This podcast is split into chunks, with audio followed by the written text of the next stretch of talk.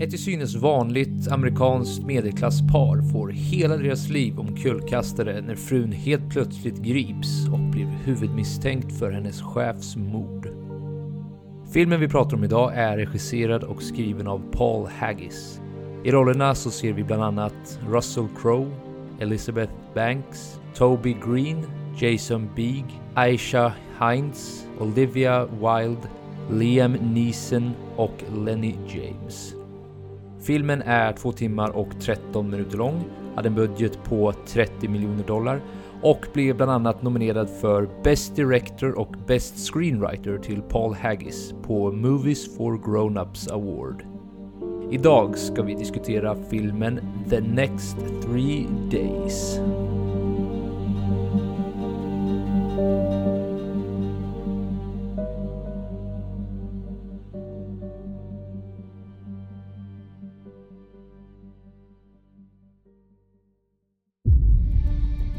As far back as I can remember, I always wanted to be a gangster.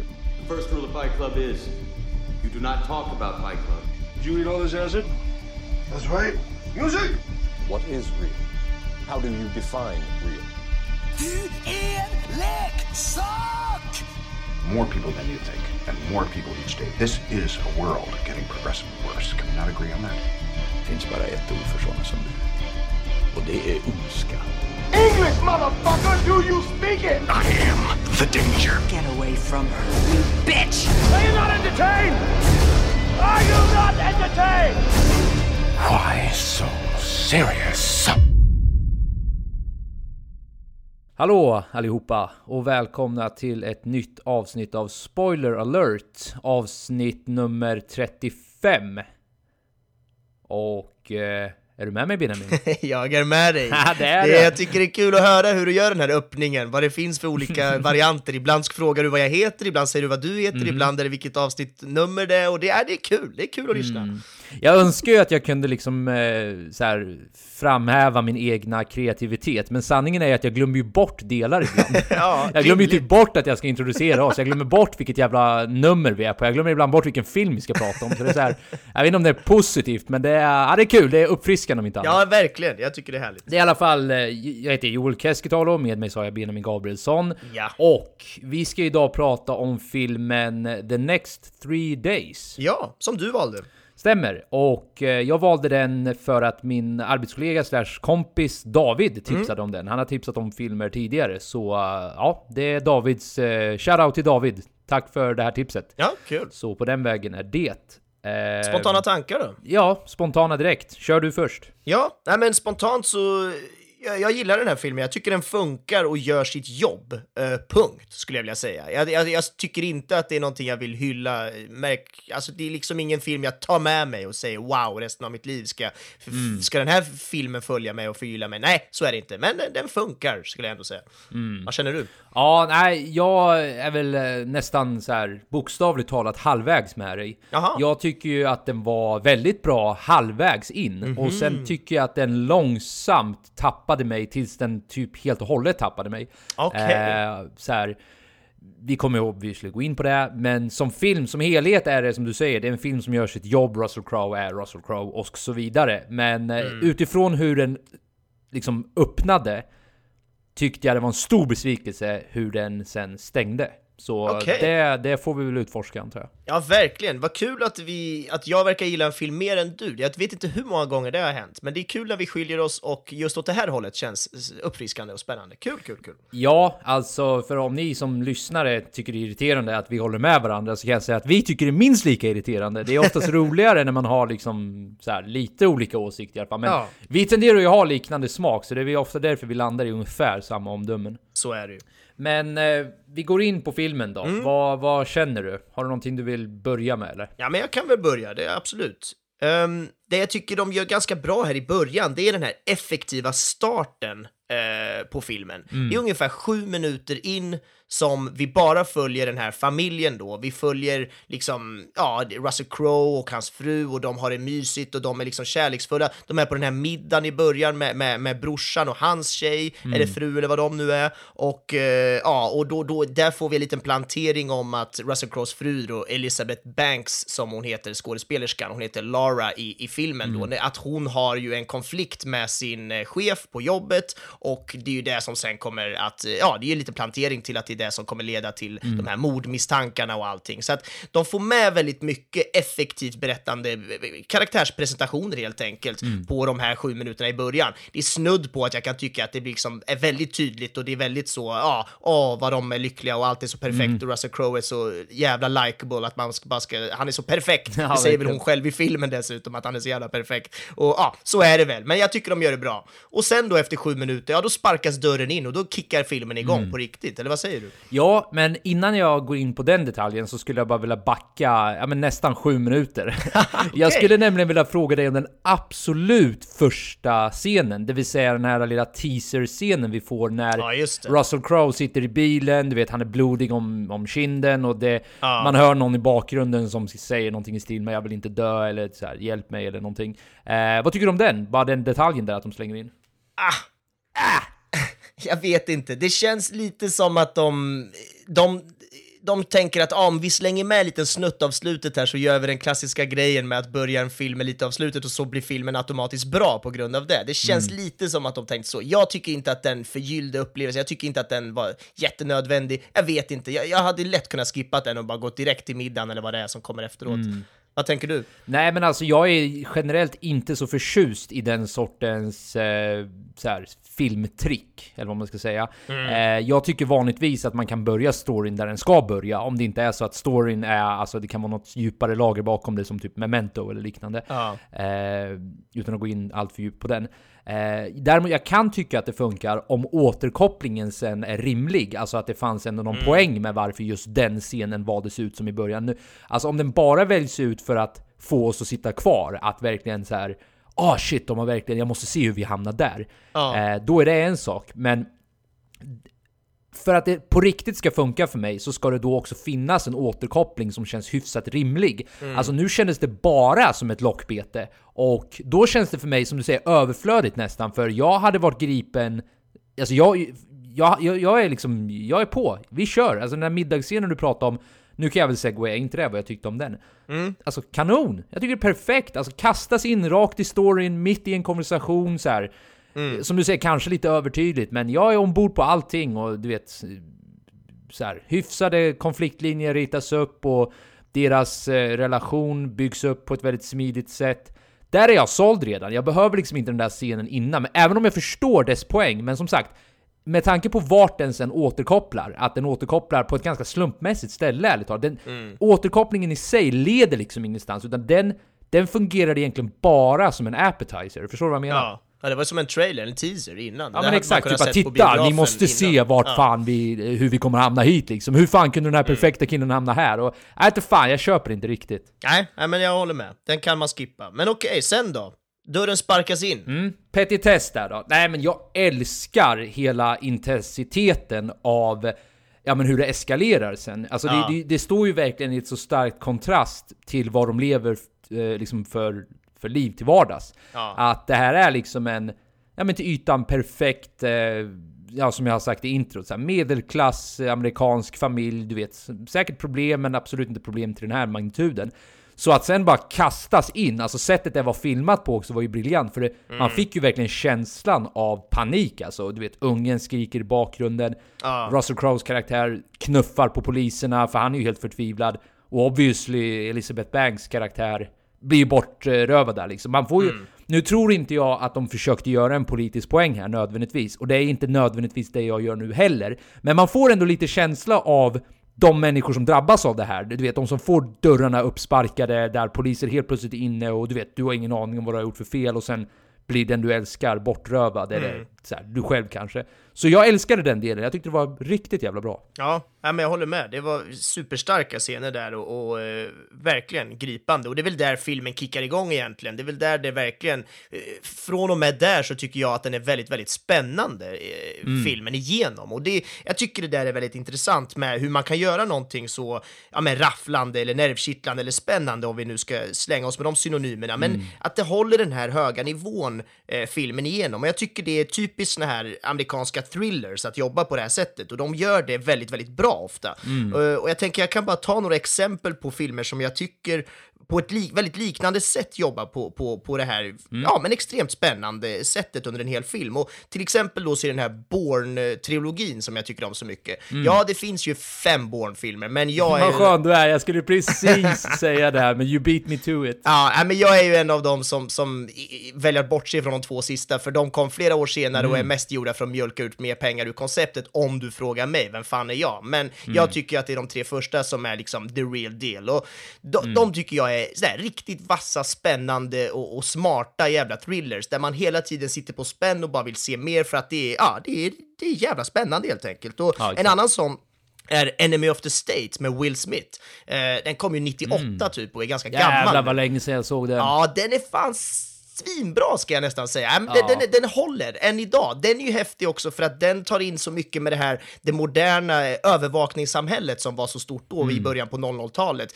Ja, men dels att datorer och allting börjar komma med, men det är liksom satelliter, det är GPSer och det är överlyssning, man lyssnar av telefoner och det är mycket sånt där och Will Smith blir jagad och det är liksom det är enemy of the state, det är staten mot liksom den ensamma eh, personen, individen. Och det är ju lite där vi får smaka på i den här filmen också. Det är därför jag tar upp de här alternativen, eh, eller de här andra filmerna som, som referenser här då. Och de jobbar på, eh, på ett väldigt eh, ja, men liknande sätt här som jag tycker är spännande. Det kanske är ett klassiskt sätt att bygga en thriller på. Det kanske alla redan vet. Vad fan vet jag? Jag har i alla fall upptäckt det nu och tycker att det är smart. Men lite så här ser jag det i alla fall. Att det bygger på någon slags helhetspaket där vi i storyn för det första måste bry oss om protagonisten. Och det får vi ju de här första sju minuterna av den här filmen. Då får vi ju känna Russell Crowe, vi får känna honom och vi känner att han är en härlig, mysig dude som vi, vi, vi håller med honom. Vi, vi, vi hejar på honom. Så är det. Då, då är vi ombord. Okej, då händer nästa grej. Jo, men det är att det, det kommer en konflikt, det kommer ett problem och då måste vi tro på att den här karaktären, eh, protagonisten då, kan lösa det här problemet.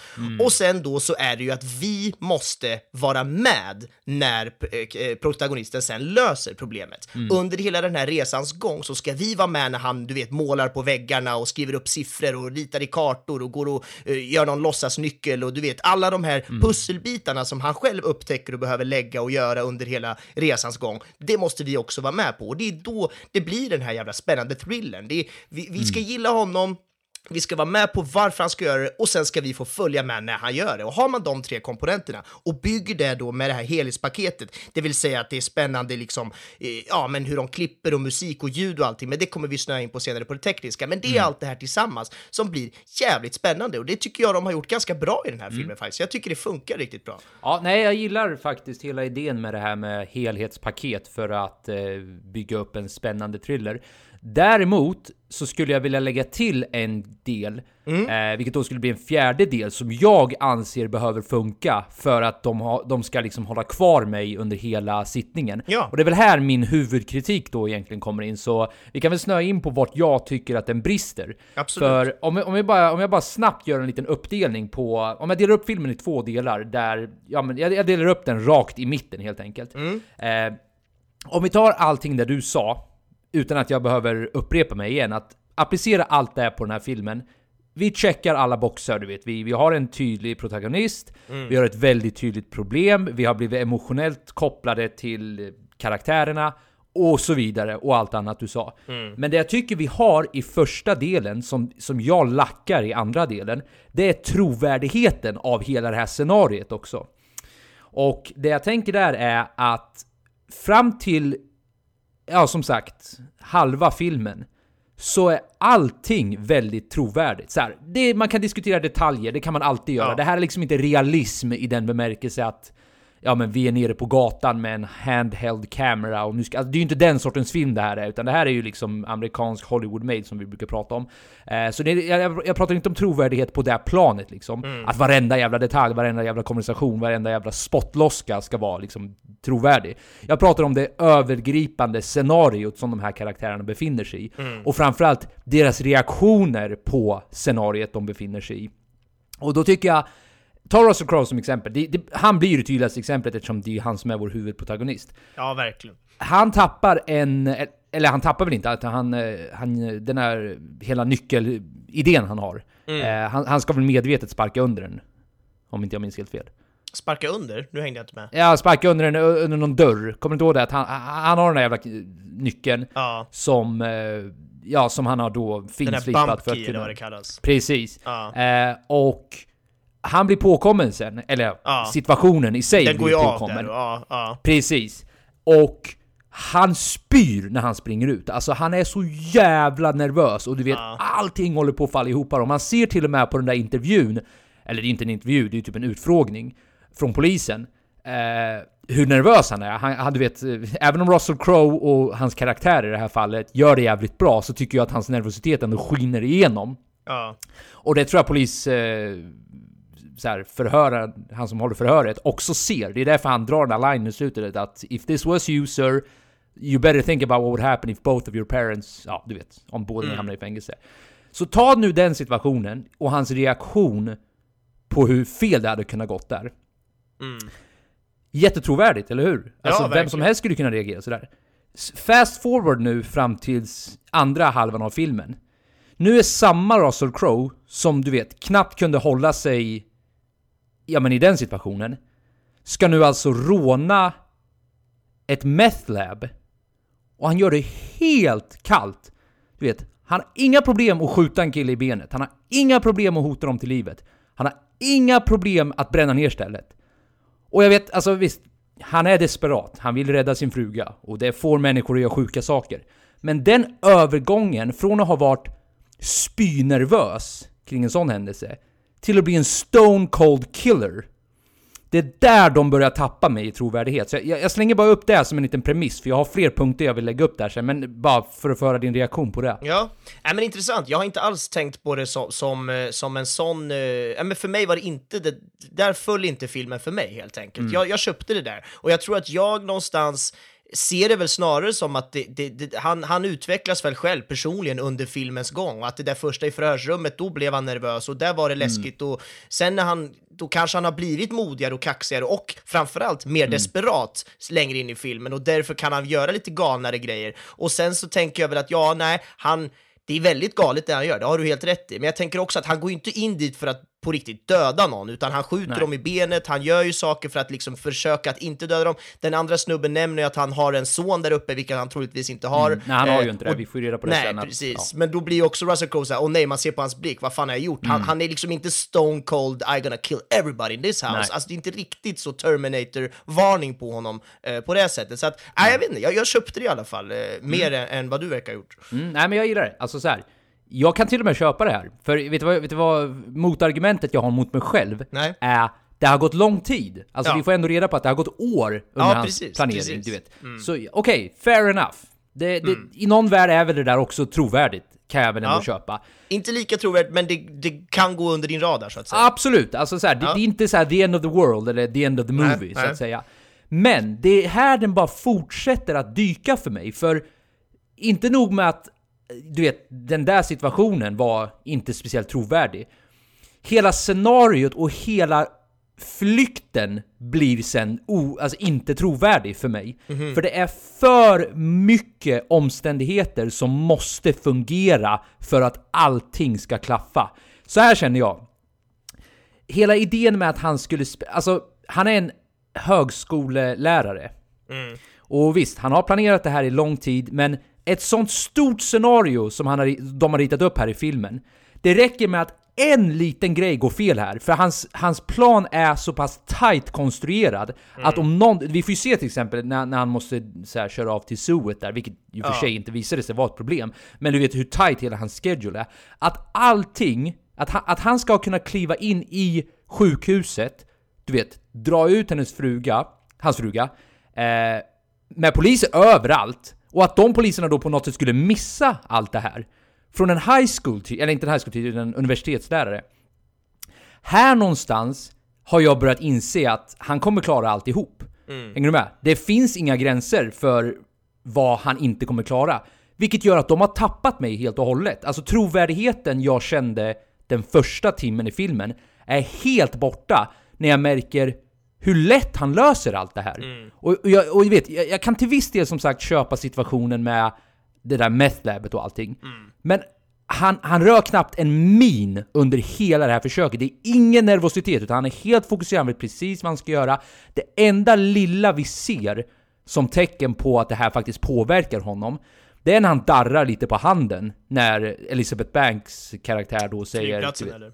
Ja, precis. Ja. Let me do this one. Ja. Let me do this one! Efter allting du har gjort och inte, du vet, inte minsta problem med, med, med någonting ärligt talat. Nej, där har de tappat mig ärligt talat. Och det är därför jag säger att trovärdighet är för mig nästan viktigare. Och det har blivit så på sistone, ju mer du och jag har pratat kanske, jag vet inte. Mm. Eh, vilket som sagt gör att tyvärr så tappar de mig där. Det, det, upplägget i första halvan av filmen var så bra att fallet blev så pass mycket, vad säger man? Djupare. Hårdare, alltså, djupare, fall, ja, ja, hårdare alltså, för ja, mig. För mm. det, det började så lovande, men sen, sen blev han för mig en mindre och mindre trovärdig karaktär och scenariot och setupen och hela situationen de befann sig i kändes bara inte rimlig längre. Mm. Eh, så ja, det, där har du, det är liksom det min huvudkritik Ja. är med allting och ja, så du får reagera på det också. Ja, det ska jag göra. Jag ska sitta här och reagera nu. Uh, öppen mun har jag och, och, och Ja, eller hur?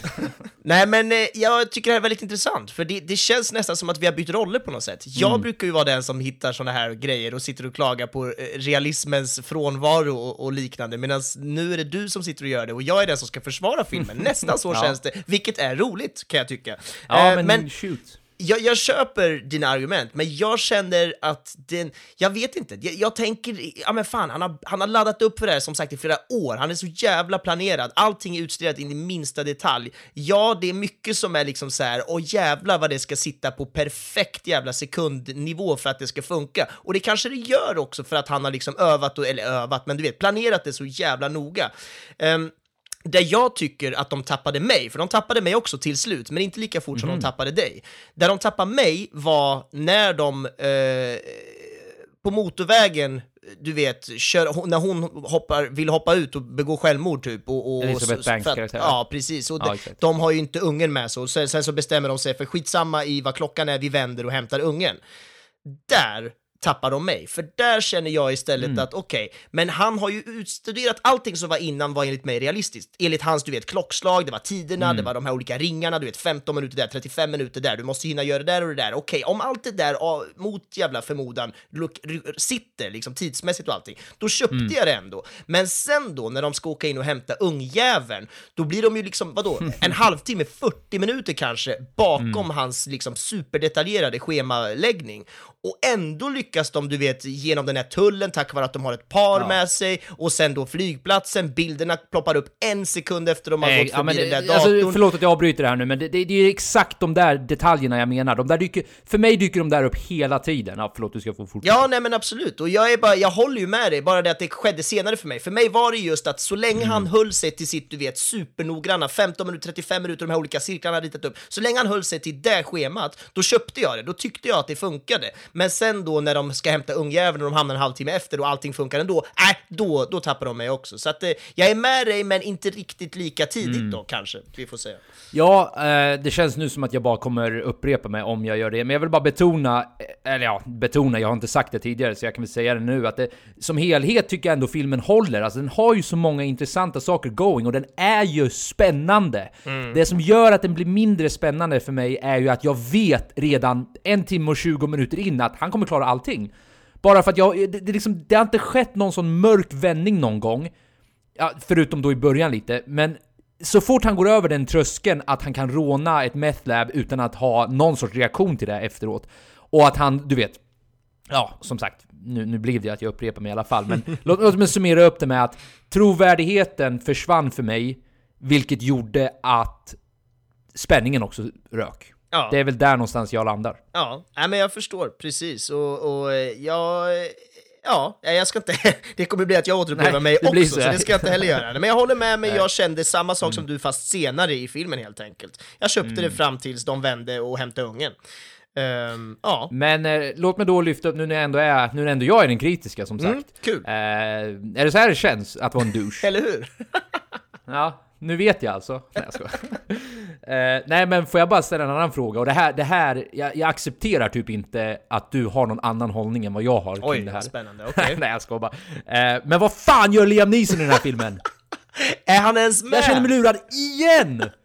Alltså jag sitter och skriker här nu, men ni som har lyssnat på podden vet att det har hänt mig två gånger att jag har blivit utlovad ett stornamn bakom filmen. Och jag har varit fett pepp på det. Nu ska jag vara helt ärlig dock, jag visste inte att Liam Neeson skulle vara med i den här, så jag, jag var... Det så här, jag, jag hann inte bli pepp liksom. Mm. Men när man ser Liam fucking Neeson dyka upp i en film, Ja, tror man inte då att han ska vara med i filmen? jo. Benjamin? Och Joel, jag kan säga så här. Du, jag vet inte vart du kollade på filmen, jag kollade på den på Netflix, och på Netflix Mm. omslag av filmen så är det en bild på fucking Liam Neeson. Jag bara, Det är klart Va? att det Vad är!" håller ni på med? Det, det är ju bara ett fel, det, det här har någon bara uppenbart gjort fel, det ska ju vara Russell Crowe på Fan, jag är fysiskt arg. det är inte bra. Nej, det är sjukt. Ja, är nej, sjukt. men så- jag vet inte vad ja. man ska säga, det är vad det är. Det är väl roligt att han var med så lite, men det är också sjukt att han står med och är liksom posterboy och allting. Det är ju fan fel. Det här är samma Liam Neeson som var samma sorts posterboy på uh, den här andra Silence-filmen vi kollar på. Ja. Jag vet inte vad det är med Liam Neeson och att Men han kanske upp i lockar typ... folk. Han måste vara ett sånt jävla posterboy-namn då som folk bara säger åh det här måste vi se, det Liam Neeson med och så ja, det är väl därför. Men det är, alltså, jag, jag tycker det rakt av är falsk marknadsföring. Om, om, du, om du på omslaget har en skådespelare som bara är med i fem minuter, Ja. då är det falsk marknadsföring. jag, tror- jag håller helt med. Jag, han är ju däremot inte med på liksom till exempel omslaget eller affischen på, på IMDB och sådär, utan det, för mig är det bara Nej, på okej. Netflix jag har sett just den där bilden med, Fair med enough. Det- och den- den är ju- jag, jag tror att det är ja. Netflix i sig som har gjort den där tabben. Ja, Eh, men att han ens står med om man kollar liksom på credit list och allting så står han ju ändå Mm. med. Nej, inte på IMDB heller. Nej, okej då, vi får lita på IMDB i det här fallet. Men på att han ens är med han i filmen! Alltså som sagt, vad, vad gör han i filmen? Alltså visst, Men du kan ju inte tvinga honom att inte vara med i filmen Joel.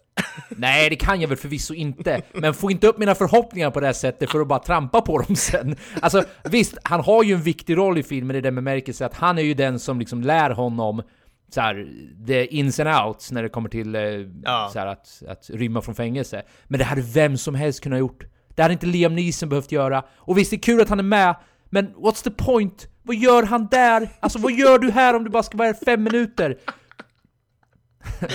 Ja, det är roligt. Det är väldigt kul att Ja. det är du som känner så här den här gången. Jag, jag njuter. Nu vet jag hur det känns att vara den andra som skrattar åt dig istället. Det är härligt. Ja, men jag, jag tror mycket också handlar om att att det var så mycket som var så, alltså nu är det liksom övergripande min attityd till den här filmen. Eh, jag tror att mycket handlar just om att det var så mycket jag tyckte om i första delen av filmen. Ja. Inklusive då Liam Neeson eftersom han är ju med i första delen av filmen. Mm, ja. Men sen som sagt så tyckte jag inte att andra halvan levde upp till det där. Så ja, nej, men det var bara en liten sidopoäng om eh, Liam Neeson.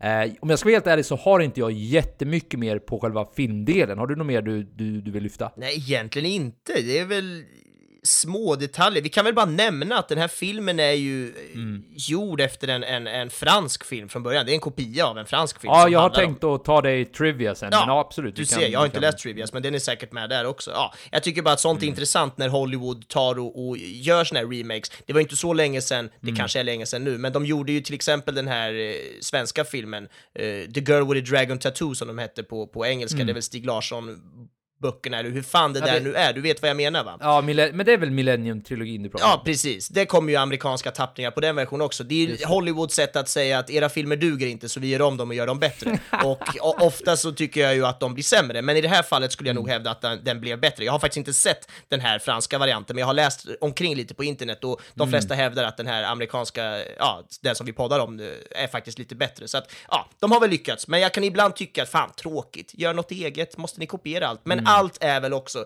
inspiration och kopieringar av allt på ett eller annat sätt. Så, så det kan man ju också dividera om fram och tillbaka. Men nu har vi det sagt i alla fall. Ja, jag, jag kom på en annan poäng jag skulle bara vilja lyfta lite snabbt. Jag jag Ja. tror att till viss del, min attityd till såna här filmer numera kan också ha att göra med att jag, jag tenderar att gilla de mörkare twistarna mycket mer Mm. än när saker slutar positivt. Och, men det menar jag inte, alltså visst vilken downer det är, så här, livet suger. Det Ja, det. men Nej, så kan det ju vara, men det är också Nej, för att alltså- det är mer oväntat och kan ge mer thrilling känsla igen, kan jag tycka. Ja men så här, det hade, jag gillar termen bittersweet. Ja. När det är ett slut som är, ja men bittersweet, alltså det, det, det är segt på ett sätt men i slutändan är det ändå ett nice slut. Mm. Som här till exempel, då, då satt jag och tänkte medan jag tittade att Fan vad nice det vore nu om Russell Crowes karaktär åkte dit, han hamnar i fängelse och sen efter så hittar de den här jävla knappen vilket bevisar att hon var oskyldig. Ah. Så du vet, Russell Crowe blir fast i fängelse, men inte jättelänge eftersom, du Mm. vet, då, då blir ju allt rimligt varför han gjorde det han gjorde. Men han, han, han gjorde, han, du vet, det är ändå inte okej att försöka bryta ut någon från ett fängelse. Så Mm. filmen slutar med att han åker in i kanske fem, tio, ah, inte tio år, men vi säger fem år. Hon kommer ut på grund av att allt var ett misstag liksom. Mm. Det för mig hade varit ett perfekt slut. Där har du det där bittersweet att vet, Russell Crowe, trots allt hans planerande, misslyckades ändå. Då hade trovärdigheten funnits kvar hos mig. För det är så här, Ja. Det där scenariot går inte. Okej, låt oss bara establish, det där är omöjligt. Det, det, den filmen hade jag velat sett, det lät ju hur bra som helst. Ja. Alltså just Ja den men eller hur, ofta inte det hade varit ett skitbra Ja. slut. Ja. Det hade varit hur bra som helst, för, då, för jag var också lite inne på när jag satt där och, och började känna att den här filmen, vart är den på väg nu egentligen, där mot liksom slutet, eh, så kände jag också att, ja men fan, kan det vara så att den, du hade ju uppenbarligen redan förstått att den kommer att sluta lyckligt, men jag var fortfarande inne på tanken att kan det vara så att de är så fräcka nu att de, att de, att de kör ett inte happy ending så att säga, att det blir, ja, att det, att det går åt helvete helt enkelt. Det hade jag tyckt var uppfriskande och spännande och den variant som du nämnde nu var ju perfekt eh, sån eh, tappning på det slutet. Så det, ja, nej, det hade varit kul att se en sån film, verkligen. Mm, ja, men så min poäng någonstans är att jag, jag har de... eh, Det kanske är återigen förväntningar som kryper sin väg in, för jag hade samma sorts... Okej, nu är jag på väg att spåra en annan film. Som är bioaktuell, så jag vet inte hur mycket jag ska säga om det här. Men Nej, jag hade gör en det. liknande attityd mot en aktuell biofilm, där jag också kände att det Jag här... vet. Det hade vet du. Att det här hade kunnat tagit en mörkare turn och hade blivit så mycket bättre då. Den filmen hade för övrigt mycket bättre förutsättningar till att göra en sån turn än vad den här hade, men det, det, må vara, det må vara som det är. Eh, ja, så lite psykologiserande där antar jag.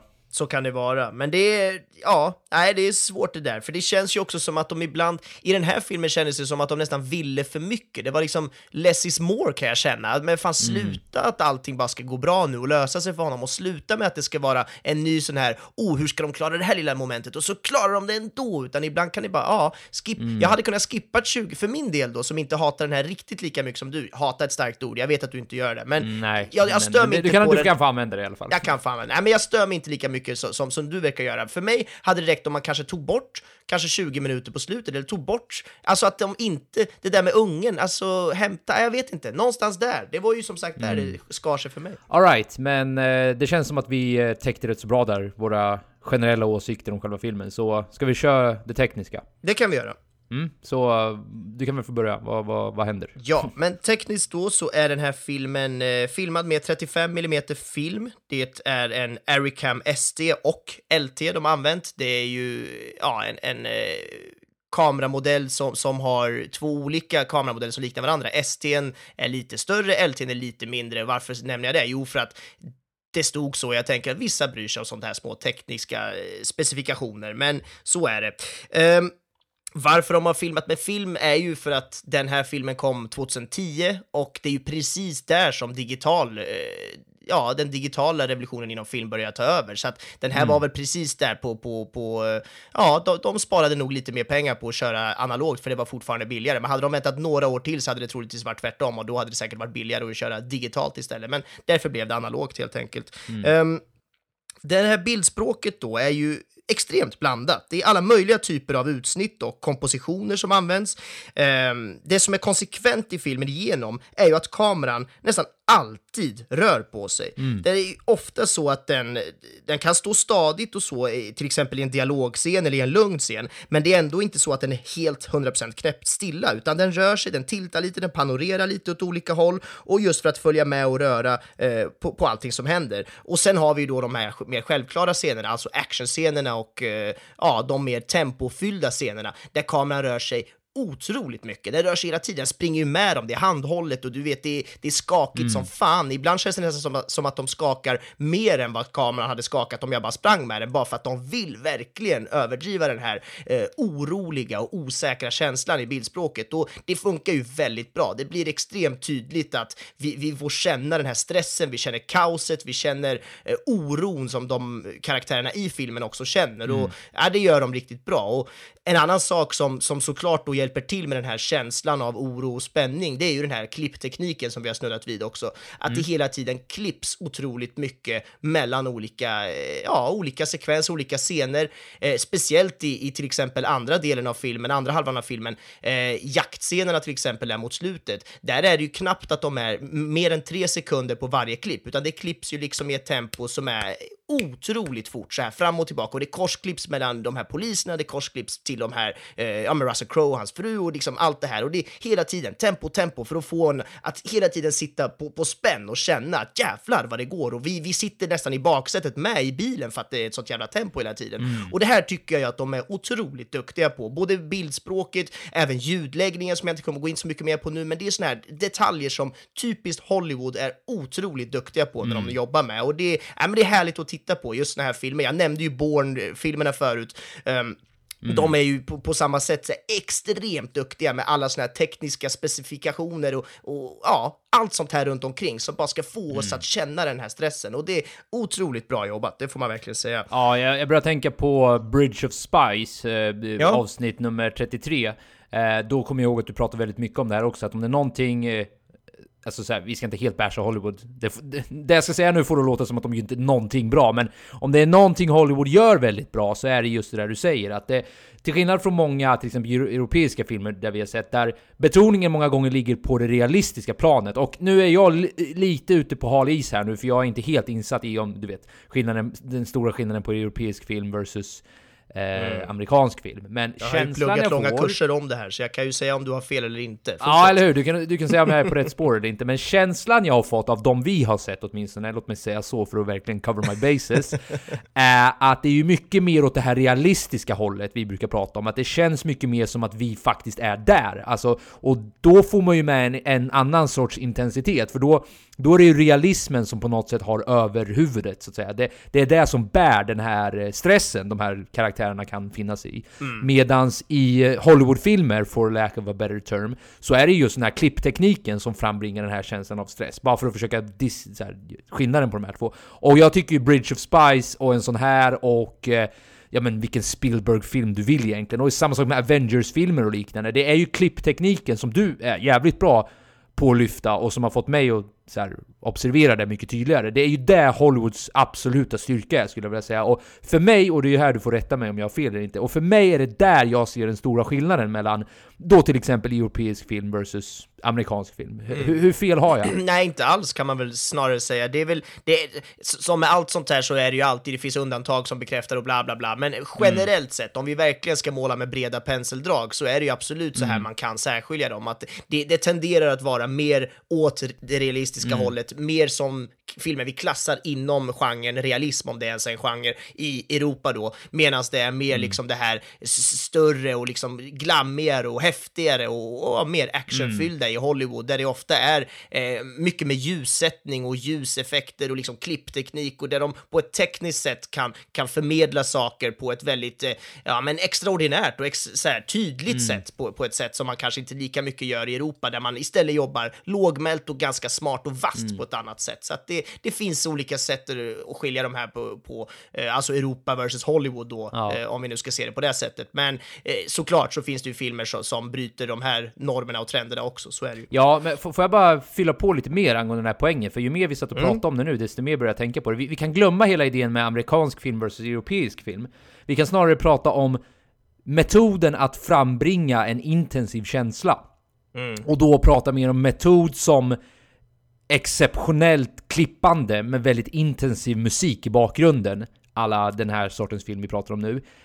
Versus då mer realistiska eh, skakig kamera, vardagliga situationer och den sortens situationer som ska då frambringa samma sorts intensiva känsla. Eh, finns det något att säga om det? Att, finns det någon fördel eller nackdel med vad... Jag, jag vet inte riktigt vad jag fiskar efter om jag ska vara helt ärlig, men jag tycker den uppdelningen är ganska intressant, för det är samma sorts känsla vi pratar om, samma sorts så här on the edge of your seat, what's gonna happen next? Men det är helt olika så här, katalysatorer, om man nu kan säga så. Helt olika saker som frambringar den känslan. Här är det som sagt mer intensivt klippande, väldigt tekniskt eh, detaljerande. Och på de här andra filmerna, som vi har nu valt att kalla europeiska filmer, då handlar det mer om riktiga scenarior de här karaktärerna befinner sig i. Finns det något att säga om det, den, den uppdelningen? Har vi, har vi någon preferens här, eller vad, vad, vad, vad tänker du? Mm, ja, men det är intressant. Det, det finns ju otroligt mycket olika filmteoretiker som har studerat och gjort forskning inom det här och det, det, det, det svåra med det här är ju att det går liksom inte riktigt att säga att så är det där och så är det där, för det är alltid på ett eller annat sätt lite så kanske, men så kan det också vara lite sådär. Det är väl hela grejen med humaniora som det här ämnet heter på universitetet, alltså eh, de här, att, att plugga film till exempel ingår i humaniora. Det är motsatsen till liksom, naturvetenskapliga forskningen där allting det är ett plus ett är två. Här är det mer att ja, man kan tycka så, man kan tycka så. Därför är det svårt att helt placera in saker i ett fack, för det är inte alltid helt svartvitt på det sättet. Men det finns ändå väldigt många olika studier och tendenser som visar mot, eller visar på här, ungefär det du är ute efter, att det är, tenderar att vara mer åt det realistiska hållet i Europa, där man gör saker mer lågmält och, och, och inte lika tydligt. Medan i USA så vill de ofta fånga en väldigt, väldigt bred publik. De vill fånga en stor massa. Alla ska förstå, alla ska tycka om det. Och då målar man, eh, återigen då, använda det uttrycket, man målar med breda penseldrag. Man gör väldigt, saker väldigt tydligt för att alla, så många som möjligt, ska förstå det. Så att det, det finns absolut eh, sådana här eh, sätt att, att, att dela upp europeisk versus amerikansk film på, på det sättet. Eh, så att det, du är absolut inte ute och cyklar. Jag själv som har studerat det här är lite försiktig med att säga att det är så, för att det, det kan också absolut. vara så att man lika gärna kan vända på steken och se andra exempel som säger att det inte är så. Men generellt Absolut. sett så ja, det, det är absolut åt det här hållet, så är det ju. Men bara för att belysa vad det är jag menar nu, ifall, ifall ni kära lyssnare tycker att, eh, ifall ni blir förvirrade över vad jag menar. Ta den här filmen, som ni precis har sett, och jämför den med, vad heter den där ballongfilmen vi kollar på? ballongfilmen, men den där Ballon filmen... hette den på tyska, den hette Flykten från DDR på svenska. Ja, om ni har möjlighet att se den och Mm. jämför sen med den här, så gör det, för då kommer ni förstå vad jag menar. Att Det kan hända att den fortfarande går på SF på Filmstaden möjligtvis. Ja. Kolla där, för vi såg den på Roxy, men där har den slutat gott tyvärr. Men en Ja. otroligt bra tysk film, väldigt, väldigt Ja. spännande. Precis, och, och där tycker jag de belyser den här lilla skillnaden som jag fiskar efter här, det här hur man kan bygga upp intensitet på olika sätt. Eh, nu ska inte jag säga mer om det här, jag ville bara...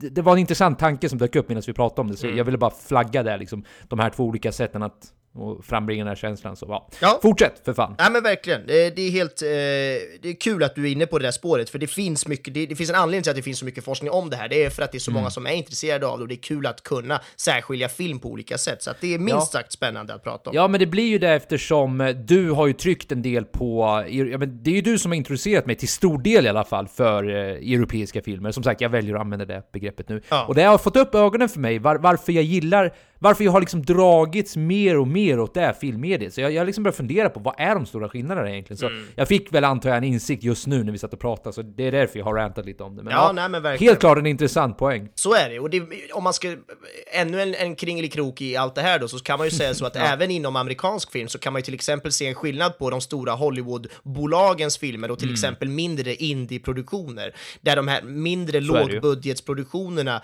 ofta jobbar mer på det här lite, inom citattecken då, europeiska sättet att göra film på, Mm. just för att du har liksom inte råd att slänga in massa lampor och dyr, dyra utrustning på samma sätt. Du måste göra allting lite enklare och därför måste du också göra det smartare för att du måste förmedla det på ett, Mm. på ett sätt så, som, som kostar mindre men kan förmedla samma känslor. Och då måste man tänka lite mer kanske på vissa sätt eh, än, än Mm. vad man kan göra om man bara trycker på en knapp där det står eh, hej, vi köper allt för vi har råd och så kan man förmedla saker på det Mm. sättet. Så att det, det, det går att se de här tendenserna i, i, även inom amerikansk film då med, med lägre budget Mm. till exempel. Ehm, men det är minst sagt intressant. Men det, nu, nu går vi vidare. Ehm, vi skulle Ja. kunna prata i flera timmar om bara det lät det som. Vad roligt. Ja, nej, det är, exakt, det är en jävligt intressant grej, men vi har inte flera timmar nu så... Nej, exakt. Ja, men när vi ändå pratar om så här Hollywood och hur de jobbar, så ett sätt som ja men bara för att snöa en liten krok till då på det vi var inne på, det är svårt att släppa det där. Men till exempel då så brukar ju vi prata om att, att Hollywood till exempel då använder väldigt mycket eh, musik som är väldigt tydlig och sådär. Mm. Medan många av de här mer indiefilmerna eller då europeiska filmer och sånt, de använder ofta mindre musik, kanske mer lågmäld musik och ibland i vissa filmer du och jag har sett så är det ingen musik alls i en hel film. Och hur mycket exakt. det kan säga på olika sätt. Det är ju väldigt spännande och det skulle vi kunna prata om hur länge som helst, men det ska vi inte göra. Däremot så bara väger jag in det, jag segwayar över då till att nämna musiken i den här filmen också, som jag tycker gör ett väldigt bra jobb. Det är absolut ingen musik som jag är såhär wow, det här kommer jag sitta och lyssna på. Till exempel förra veckans film, eh, eh, The Hours, Timmarna. Det är ju sån musik som jag faktiskt på riktigt vill sitta och njuta av, för jag tycker den är så bra. verkligen. Men här är det ju snarare en musik som gör sitt jobb väldigt, väldigt effektivt och, och smart. Och det är det här mycket snabba stråkar blandat med lite elektroniska instrument och elektroniska ljud som, som bygger upp den här spänningen, den typiska action thriller-musiken som liksom ligger där och hela tiden vaggar in oss i den här stämningen. Tillsammans då med klippspråket och bildspråket och det här så, ja men de jobbar ju på ett extremt så effektivt och välarbetat sätt som verkligen får in oss i rätt sinnesstämning för att kunna komma in i den här filmen ordentligt helt enkelt. Så att det gör de riktigt bra på alla de tekniska punkterna, så är det. Ja, men med det sagt, ska vi snacka lite skådespeleri kanske? Ja, det tycker jag. Och eh, alltså, det går ju inte att inte nämna den här jäveln som, som för övrigt är med i vårt intro. Vem är det jag pratar Russell om? Jajamän, för helvete. Are you not entertained för fan? Ja, eh, han Ja men du sa det förut, han är ju så jävla god. Ja. Alltså han är så jävla god bara. Men jag tycker han, han är lite som eh, Tom Hanks i den bemärkelsen att vilken roll han, han än är med i så är han bara god. Alltså till och med i Gladiator så är han fan med god. Alltså vi, han har råkat ut för ett tråkigt jävla öde, men han är ändå god. du förstår vad jag menar? Alltså han är, han är likable. Han är liksom, through and through är han likable. Och han, alltså han är ju svinbra! Han och Elizabeth Banks gör ju den här filmen, ärligt Ja, det talat. gör Otroligt. Så här, från start till finish så är de två bäst. Alltså, Mm. What else is there to say? Ja men verkligen, alltså jag, jag kan väl bara flika in och säga att, att Russell Crowe för mig är ju lite sådär, jag kommer ihåg när vi pratade om, om eh, The Highwayman och jag nämnde Kevin Costner, att jag har en sån liten kärlek från honom sedan jag var barn. Här har jag ju lite samma sak med Russell Crowe, att du vet Gladiator, den kom när man var ung och jag verkligen såhär wow, det, jag, jag älskar Russell Crowe, så är det bara. Och du har ju varit inne på att han är likable, så att det, han, det är väldigt ovanligt eller nästan omöjligt att han ska kunna göra mig besviken i, när han själv är med i en film, så är det. Eh, Ja, vi kan, ju, vi kan ju avslöja för er kära lyssnare att tanken var egentligen inte att Russell Crowe skulle vara med i vårt intro. Men eh, Benjamin älskar ju Russell så mycket så han, han, han- insisterade i slutändan på att han ska vara med. Det blev ju bra, där- tycker jag ändå. Det blev ju bra, Are absolut. Men, eh, där har ni det i alla Ja, fall. den är härlig. Nej, men så är det. Så att eh, all creds till honom, men där förväntar jag mig ingenting annat. Jag förväntar mig att han ska leverera och göra det här svinbra, vilket han också gör. Men som du är inne på, Elizabeth Banks, alltså svinbra. Jag tycker hon Mm, förmedlar så bra de här känslorna av hopplösheten in i fängelset. Hon blir mer och mer, du vet, så här, ja men tror inte på sig själv, tror inte på familjen, tror inte, Mm. tröttnar till och med på att han, Russell Crowe, är så perfekt och liksom, nej, tycker det Mm, Men var hon blir knäckt. jävligt bra skådespel av henne, alltså, verkligen. Mm, Ja, jag håller med. Det, ja, nej, som sagt, de två tycker jag verkligen gör den här filmen. Det, det är många andra som är så här. Ja men på gränsen mellan A och B-list skådespelare. Alltså nu slänger vi med ännu så här termer som säkert inte är helt korrekt använda. Nej. Men jag använder dem säkert inte på helt korrekt sätt menar jag. Men eh, det är ju många som dyker upp som ja men är hyfsat stora namn ändå. Olivia Wilde till exempel, eh, Olivia Wilde, som jag först för ett tag sedan trodde var svensk. Det lät så jävla svenskt tycker jag. Olivia Wilde. Men hon är obviously inte det. Eh, bara för att jag trodde att hon skulle vara det. Ah, okej. eh, hon, hon dyker upp titt som tätt i bakgrunden. Och jag vet inte vad det finns att säga om... Alltså, det här är ju det ständiga problemet som man dyker upp som dyker upp för oss när det kommer till såna här sidokaraktärer. Det är sådana som varken utmärker sig jättemycket åt det ena eller det andra hållet. Men om det är någon jag vill lyfta upp så är det ju Liam Neeson med hans fem minuters... Nej, jag bara skojar. Det är klart att det inte Knappt, är... är det ens fem minuter? Ja, En jävla cameo, han är ju Ja, knappt med. det är väl fem, fem, tio minuter kanske. Nej, det kan inte vara så långt. Det är aldrig att det är tio minuter. Jag är inne på att det kanske är tre minuter. Då. De sitter ju bara och kort utbyter kanske? ett par meningar vid ett bord. Jag hade för mig det var mer än så. Jag hade för mig att han typ så här. Nej, de sitter bara Ja, vid ett bord och han ställer två frågor och han svarar på tre meningar och sen går It's han. worse than. I Jag tror att thought. det är mindre än fem. Nej, men får jag bara lyfta upp en annan skådespelare? Jag tycker väldigt mycket om Lenny James. Han som dyker upp på, eh, vad heter det, andra halvan av filmen. Han som eh, en av poliserna, eh, som är han är lieutenant. Eh, lieutenant Nabolsi heter han. Jag tror att det är ganska otydligt vad han heter i filmen, jag läser det här på IMDB. Eh, men det är han i alla fall som jagar honom, jagar Russell Crowe och familjen där i slutet väldigt mycket. Spring, springer med på rälsen och allt Ja, ja, ja. Jag gillar han Mm. väldigt mycket och det var kul också. Ja. Shoutout till Rickard nu för eh, du och jag har ju sett honom i eh, The Walking Dead och han är han, är, han har en intressant roll, minst sagt, i The Walking Dead. Jag ska inte säga allt för mycket mer om det.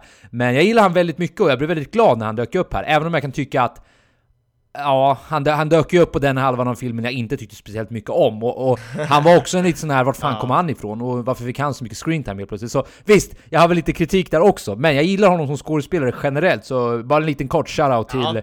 Lenny James. Ja, men det var kul. Jag tyckte han gjorde det väldigt bra. Jag tycker däremot att hans kollega, den här andra mannen, lite yngre var han väl, eh, sådär, som, som skulle vara också polis, under honom då i rangordning polismässigt verkar det ju som. Jag tyckte han var ett svindålig, eller ja, han var inte alls bra tyckte jag bara. Nej. Det var... Det var alltså... Ingen aning vad han heter, Nej. jag hittar inte honom på IMDB-listan, jag bryr mig heller inte om jag ska vara helt ärlig. Men han, det, nej, där kände jag, oj, där hade de kunnat kastat någon bättre. Mm, men det är ändå sådana som de flyger på något sätt, för vi, vi har följt på att följa med the likable Russell Crowe och fundera samtidigt vad fan som händer med Liam Neeson.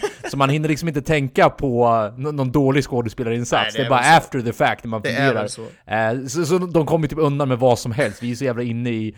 eh, ja, som sagt. Du kommer klara dig Russell. Eh, Det, det var ju åtminstone min inställning, att du kommer klara dig. Låt mig bara se hur du kommer klara dig. Ja, just det. Fan vad negativ jag är! Det är kul, det gillar vi.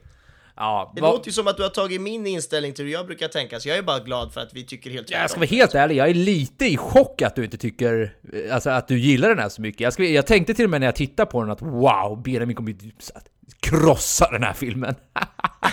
Men det, Nej, jag tyckte det var okej Ändå, ändå. kul att Ja, du, nej. jag tycker, eh, som sagt, jag, jag uppskattar det här mycket mer egentligen än eh, när det är en circle jerk där man sitter och håller med varandra. Ja. Eh, Men vad finns det mer att säga om skådespelarinsatserna? Nej, någon- ingenting. Nu släpper vi Ja. det. Jag är så trött på att sitta här och säga om någon fjärde statisten är bra eller inte. Ja. Det tycker jag vi skippar Ja, nu. ja absolut. Eh, Men slutord och favoritscen då? Yes. Eh, ska jag börja eller? Ja, gör det. Undrar vad du ska säga. Nej men det, det kommer kort och gott vara otroligt stark öppning och sen en så här pladaskfall. Tyvärr. Eh, Ja. Kunde ha gillat den jättemycket men den tappade trovärdighet för mig mot, eh, ja, mot slutet där. Ja. Ja men kul. Jag eh, tycker att den, eh, också sådär stark öppning, svinspännande och rafflande och härligt att följa den här storyn. Och sen där då när de ska vända och hämta ungen, där faller det för mig. Men jag tycker ändå att den funkar. Den flyger, den gör sitt jobb som jag ibland säger. Jag tycker den gör det. Så är det. Favoritscen då? Eh, ja, nej men min favoritscen är den scenen då de eh, poliserna så här, sparkar in dörren och allting. För den, eh, Ja. ja, som vi har sagt tidigare, eh, så här, scener som sätter tonen. Mm. Den satte verkligen tonen där. Eh, och som, som jag har sagt nu typ hundra gånger det här avsnittet, att det var synd att det inte höll sig hela vägen och så vidare. Mm. Men den scenen i sig gillade jag jättemycket. För den, det var en sån där wow shit, jag, jag var inte med på det där, nu, nu- nu, är jag med liksom. Så ja, Ja. Det, det, den, eh, det var min favoritscen. Pittsburgh police, this is an arrest warrant for Laura Brennan. And a search warrant for No, hold, hold on. No, this Laura hey, Brennan? you touch me again, I'm gonna arrest you. Hold on. Hey, stay where you are. This is my house. Laura Brennan? Yes. And I will You're arrest under you. for the murder of Elizabeth Keys. Calm down. I come back in in the kitchen. Irony, what are you doing? Arrest him! What are you doing? Baby, go, go get him. understand this, right? It's okay, buddy. It's okay. Luke! It's all right. It's okay. Jag var ju också lite inne på att välja den, men jag valde istället den här eh, scenen när hon nästan slänger sig ut ur bilen och eh, de, du vet lastbilen, Mm. de snurrar runt och det är bara när de håller på Ja, att krocka och dö basically eh, mot slutet där. Jag tyckte den var så jävla häftig bara. Den var så wow, kameran liksom flög ut upp Mm. över bilen och de snurrade runt och lastbilen åkte rakt emot och sen var det lite, ett snabbt klipp när kameran var upp och ner. Vi fick se liksom hennes point of view för hon hänger ju ut upp och ner där och ser lastbilen. Äh, Jag tyckte bara den var en jävla cool eh, actionsekvens där helt plötsligt som jag, som jag greppades och fångades av. Så ja, jag väljer den. Okej, men innan vi rundar av då så har jag lite roliga fakta om den här filmen Ja. som går att hitta på filmens eh, IMDB-sida. Eh, om ni är intresserade. Mm. Jag har valt ut ett par stycken, men det finns som ja, nästan alltid så finns det fler än vad, vad vi nämner här. Mm. Men jag har ett par stycken. Ja, Kul. Så, det här bump key-tricket som Russell Crowe lär sig för att få upp ett lås, Mm. det är tydligen ett riktigt knep. Eh, däremot så har Mythbusters motbevisat det här andra tricket han gör, det här med tennisbollen som ska Ah, få upp okej. dörrlåset. Det är tydligen en myt eh, som har motbevisats. Ja, ja. Så 50-50. 50-50 ja, ungefär som uppdelningen jag så, så tjatat så mycket om. ja. Du ser, där har vi det! Du vet, Där har vi det. Nyckeln höll sig på sidan av filmen där det var rimligt och trovärdigt. Ja. Och sen kom där andra halvan att, nej jag skojar bara, jag vet inte Ja men det stämmer ju ja. typ, det är något sånt. Det är som att de liksom inte riktigt orkade göra det realistiskt hela vägen. Kanske. Nej men typ, de, det räckte med den här setupen och nu skiter vi i det. Nej, okej, låt oss fortsätta. Så inför inspelningen så, det är lite method acting här, så såg Elizabeth Banks till att träffa fångar och fångvakter för att få en bättre förståelse över hur livet i fängelset Mm. kan vara. Eh, hon tillät sig själv att spärras in i en cell för att testa hur länge hon skulle klara av det.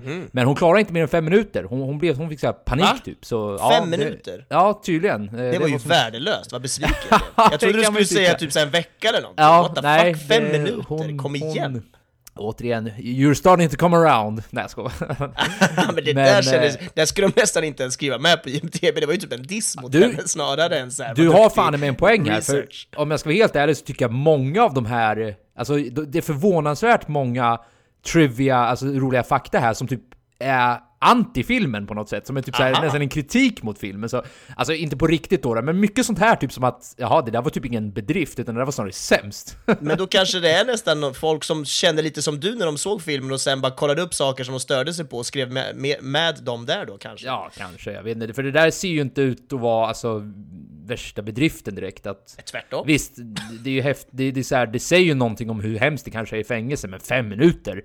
Ja, herregud. Du och jag hade klarat fem minuter. Ja, det är ju för fan bara att... Nej, nej, dåligt. Gör om, gör rätt. Då är Ja, det- vi hyllade Okej. Elizabeth Banks, hon gör en bra... Eh, alltså hon Mm. gör ju sitt jobb svinbra i filmen, men det där hade hon kunnat gjort bättre kanske. Eh, filmen är en remake av den franska filmen, och du får gärna uttala det här, för jag funderade på hur man uttalar det. P-O-U-R-E-L-L-E. Pour L. Porel. Hur säger man det? Pour elle. Pour L. Så du säger ju rätt bara att du har liksom amerikanska accent när du säger det, så testa att säga det lite mer Pour europeiskt. L.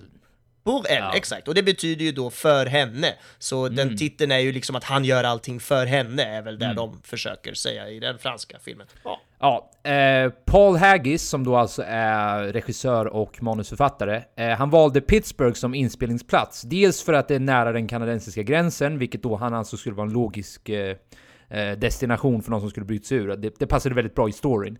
Men han ville också filma på en plats som var mindre känd för den här sortens film, för vanligtvis är det New York eller Chicago, står det här. Så nice. det fanns eh, den tanken också, att han ville göra något, eh, alltså inte nytt nytt, men liksom så här lite, lite fresh ändå. ja, det gillar vi. Eh, Russell Crowe var tydligen Paul Haggins första val att spela huvudprotagonisten då. Eh, och precis innan den här filmen så jobbade Russell Crowe med filmen Robin Hood. Och Ja, eh, han var tydligen... Scott. Exakt, Ridley Scott ja. Och han var väldigt, tydligen väldigt trött på grund av att det var en så lång produktion, så han, han var från början inte intresserad. Men sen skickade de manuset till honom och eh, han övertygades mer än vad jag gjorde. Manuset kanske var svinbra, det kanske var regissören som var dålig, vem vet? Ja, mycket möjligt.